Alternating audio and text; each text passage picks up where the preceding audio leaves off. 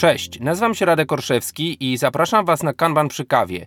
Podcast o tym, jak zwinnie, sprawnie i efektywnie zarządzać pracą.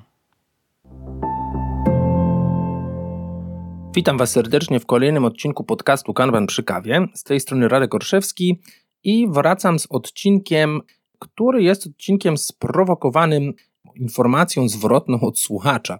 Słuchacz o imieniu Rafał, którego przy tej okazji serdecznie pozdrawiam, stwierdził, że ostatni odcinek opowiadający o zadaniach, które wracają, wracają na tablicy, ja tutaj podpowiem, trochę go zmylił, bo sądził, że chodzi o te zadania, które wracają do nas, a więc można powiedzieć powtarzają się. Jakieś zadania cykliczne, które musimy wykonywać w ramach naszych obowiązków. Spróbujmy się zastanowić nad tym, co z takimi zadaniami robić, ponieważ często pojawia się tutaj obawa tego, że będziemy musieli tworzyć jakąś no, niezdrową liczbę zadań, których można powiedzieć czas zapisania czy aktualizacji mm, będzie równoważny samym zadaniom. To myślę jest często wyolbrzymienie, ale zapewne wiecie o co chodzi. Nie chodzi o to, żeby produkować liczbę y, zadań, która pokazuje w jakiś sposób naszą produktywność, tylko żeby pomagać sobie tą organizacją pracy. A przyczyn, dla których takie zadania cykliczne powinniśmy dokumentować y, i też technik y, jest co najmniej kilka. A więc podobnie jak w poprzednim odcinku, podejdziemy tutaj praktycznie mówiąc o kilku możliwych sposobach rozwiązania takiego problemu, takiego wyzwania. A to wszystko zaraz po przerwie. w ramach przerywnika informacyjnego coś, co też pojawia się w Waszych pytaniach.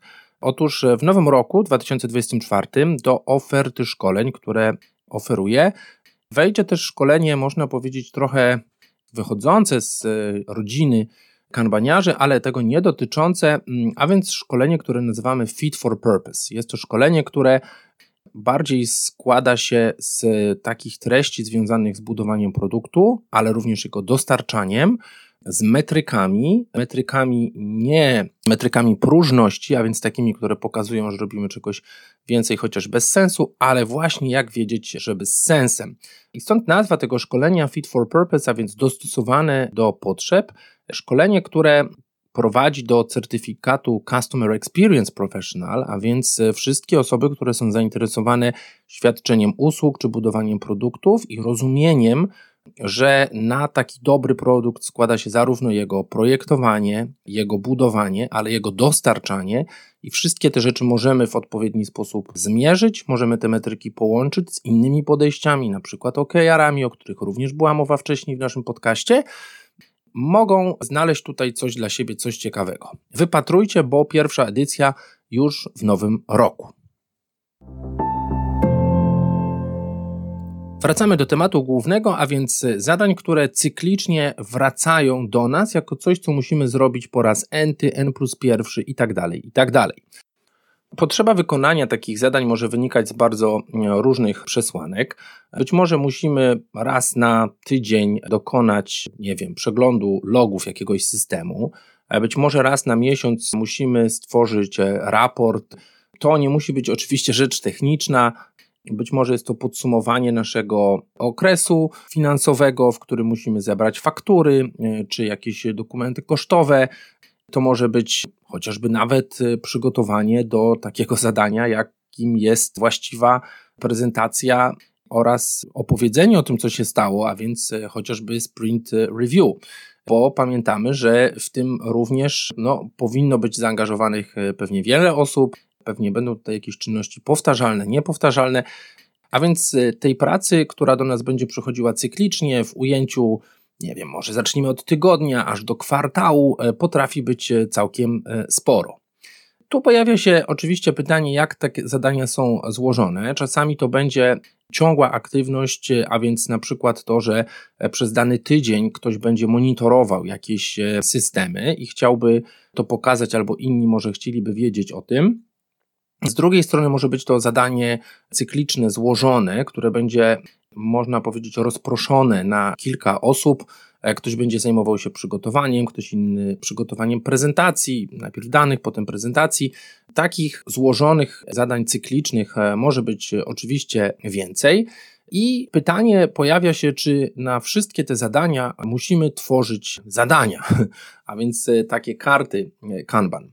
Tutaj oczywiście trzeba sobie powiedzieć, że chcemy zrozumieć, w jakim celu i jak ma nam pomóc wizualizacja czy śledzenie tej pracy. Zaraz opowiemy o kilku przesłankach, dlaczego takie rzeczy robimy, i w zależności od tego dobrać właściwe podejście.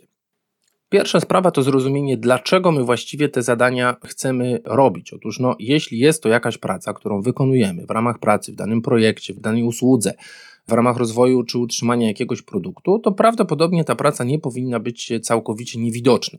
Z bardzo oczywistych e, przyczyn, jeśli na przykład robimy to standardowo tylko my, mówię tutaj o jakiejś osobie, nikt inny tego nie wie, no to bardzo często e, może dojść do takiej sytuacji i naprawdę uwierzcie mi, dochodzi częściej niż nam się wydaje, kiedy ta osoba idzie na urlop e, albo co gorsza się rozchorowuje, bo może do urlopu się jakoś przygotuje, to okazuje się, że nikt nie był świadomy tego, że co tydzień we wtorek i jakiś tam członek zespołu czy członkini robiła X i Y, a w piątki jeszcze dodatkowo Z. No i teraz coś nam się tutaj wywaliło, mówiąc kolokwialnie, bo o tym nie wiedzieliśmy. No i to jest właśnie pierwsza przesłanka, dlaczego warto o tym mówić innym wizualnie, że coś robimy, ponieważ, no, jak to ładnie się mówi, jeśli wiemy o czymś tylko my albo tylko my to umiemy, to jest chyba mm, sugestia z książki Dominiki de Grandis, to taka rzecz na pewno powinna być zwizualizowana i na pewno powinna być śledzona.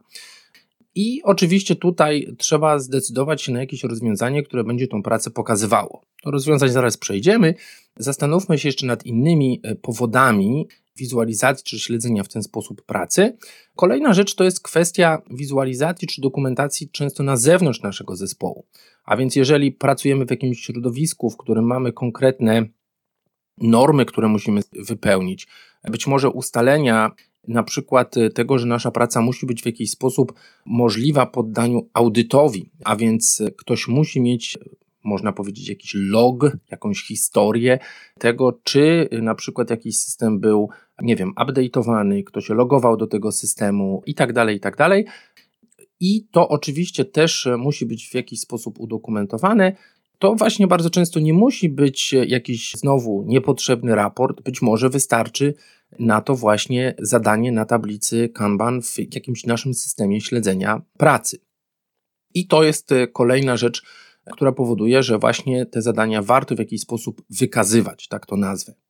Trzecią rzeczą, i tutaj powiem często w obronie zespołów, jest to, że takiej niewidocznej, bardzo drobnej pracy jest bardzo dużo i doprowadza to do takiej sytuacji, w której zespół się umawia z biznesem, z product ownerem, z zamawiającymi na jakiś zakres pracy. I to nieważne, czy wstrzelony w timebox, którym jest sprint, czy po prostu pewien cel, który chcemy osiągnąć, nawet jeśli go nie musimy zrealizować w jakimś z góry określonym przedziale czasu. Ale oprócz tego ten sam zespół, ci sami ludzie wykonują właśnie, można powiedzieć, na boku, można powiedzieć bardziej, że są rozpraszani potem innymi takimi zadaniami codziennymi, które właśnie wpadają w kategorię zadań, e, powiedziałbym, powtarzalnych albo częściej powtarzalnych niż nam się wydaje.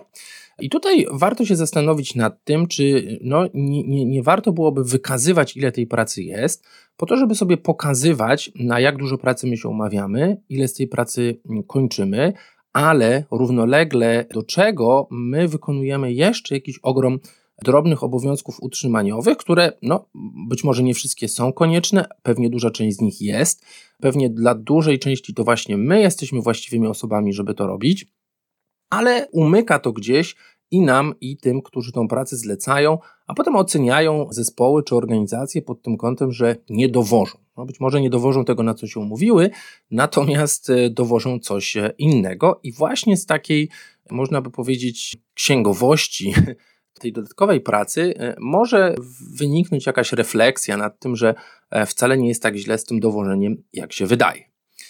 Wymieniłem więc trzy powody. E, po pierwsze, to, że być może tylko my o tym wiemy i nawet wewnątrz zespołu dobrze jest sobie to dokumentować. Druga sprawa to właśnie kwestia wizualizacji audytu na zewnątrz. I trzecia, tego, że mm, być może sami nie wiemy albo nie potrafimy wykazać, ile jest takiej pracy dodatkowej, cyklicznej, utrzymaniowej, związanej z mm, pracą, którą jako zespół wykonujemy. Teraz chciałbym przejść do mm, rozwiązań. Oczywiście można powiedzieć, że jeśli mamy jedno regularne zadanie, takie jak przygotowanie miesięcznego raportu, to rzeczywiście warto sobie taki tikecik wstrzelić, żeby o tym nie zapomnieć, zwłaszcza jeśli możemy go rozpisać na kilka podzadań, które wykonują różne osoby, czasem równolegle do siebie, czasem sekwencyjnie, to tutaj rozwiązania mogą być e, różne. Może najpierw to zadanie będzie przypisane do jednej osoby, która przygotowuje dane, potem będzie przypisane czy gotowe do przejęcia przez drugą osobę, która będzie te dane zbierała, wizualizowała. Tu sytuacja wydaje się dosyć oczywista. Większym zgryzem są zadania, które właśnie mają, można powiedzieć, charakter ciągły przez kilka dni, na przykład monitorowanie jakiegoś systemu, czy odpowiadanie na zapytania na jakimś kanale, na Slacku, Teamsach, czy coś w tym stylu, a więc bycie takim interfejsem zespołu i odpowiedzialność za to przez kilka dni. Tu się pojawia często pytanie, czy powinniśmy tworzyć zadania na każde takie zapytanie. No, to może być bardzo czasochłonne i frustrujące, a więc mówimy pewnie nie, pewnie są lepsze rozwiązania. Takim rozwiązaniem, które ja znam i obserwuję mm, właśnie w zespołach IT dotyczących chociażby odpowiadania na wewnętrzne zapytania czy monitorowanie systemu, jest podejście, w którym tworzymy taki ticket, na przykład na tydzień. W tym tygodniu jedna lub więcej osób za to odpowiadają to zadanie znajduje się na tablicy, znajduje się w tym okresie, dla którego zostało stworzone w jakiejś kolumnie aktywnej, typu w toku, i wiemy, że wszelkiego rodzaju poszczególne, można powiedzieć, aktywności zostaną tam w jakiś bardzo prosty, nieczasochłonny sposób zanotowane. A więc y, tworzymy ticket w stylu monitorowanie i komunikacja za zespół X albo systemu X i za zespół Y i tutaj, kiedy pojawia się coś takiego, to notujemy to albo w historii tego tiketa, albo jakiś podpunkt, albo jakąś checklistę, którą rozwijamy i możemy tutaj przede wszystkim wykazać, że taka praca została wykonana. Po drugie, możemy zalogować czas wykonania tej pracy. Tutaj nie po to, żeby pokazywać tą zajętość, ale żeby właśnie może zgromadzić dane dotyczące tego, ile takich zadań my mamy, ile nam to zajmuje. No i oczywiście, jeżeli mamy tam właściciela czy jakiś komentarz, to bardzo często to wystarczy w takim systemie jako pewien dowód, można powiedzieć, dla późniejszego audytu, że no, ktoś to robił, że to nie zostało zapomniane i tak dalej. Również tutaj możemy właśnie stworzyć też taką e, współodpowiedzialność kilku osób za różne strumienie pracy, a więc nie musimy tych tiketów mnożyć.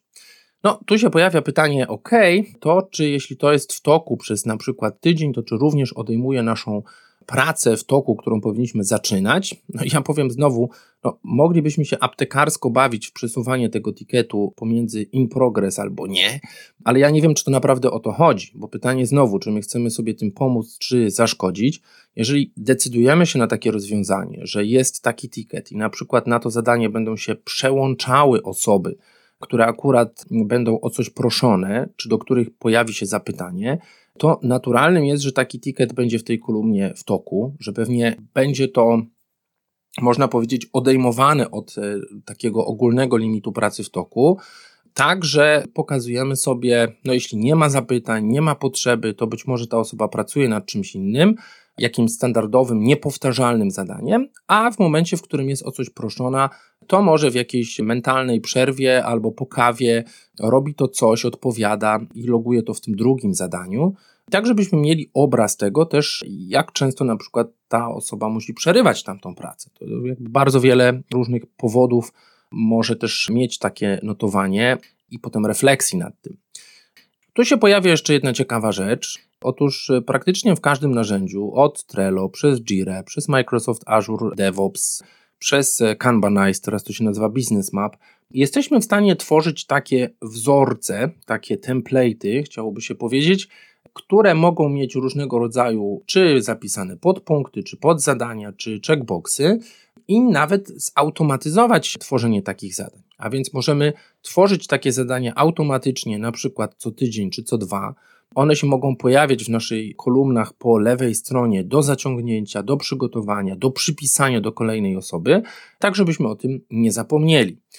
Tu chcę powiedzieć, że ten podcast, którego słuchacie już pewnie dłuższego czasu, mam nadzieję, również w taki sposób powstaje. To znaczy, po każdym odcinku, przynajmniej, a czasami z wyprzedzeniem, powstaje automatycznie lub poprzez skopiowanie, sklonowanie etykietu kolejny ticket, który pokazuje elementy przygotowawcze mm, tego podcastu. Kilka checkboxów musi się pojawić, zanim ten ticket może przejść do kolejnej kolumny. I w momencie, kiedy kończymy pracę nad jakąś publikacją, kolejnym odcinkiem, to ponawiamy tą checklistę, bo ona w dużej mierze jest bardzo zestandaryzowana. Podobnie pewnie część z Was prowadzi być może jakieś systemy, w których, nie wiem, jeśli musicie księgowym co miesiąc dostarczać jakieś dokumenty, to może też macie coś podobnego, a więc coś, co nam bardziej pomaga, coś, co może wymagać jakiegoś dopracowania czy kustomizacji, ale jednak pomaga w tym, że widzimy, czy ta nasza praca regularna, cykliczna jest należycie traktowana w tym systemie.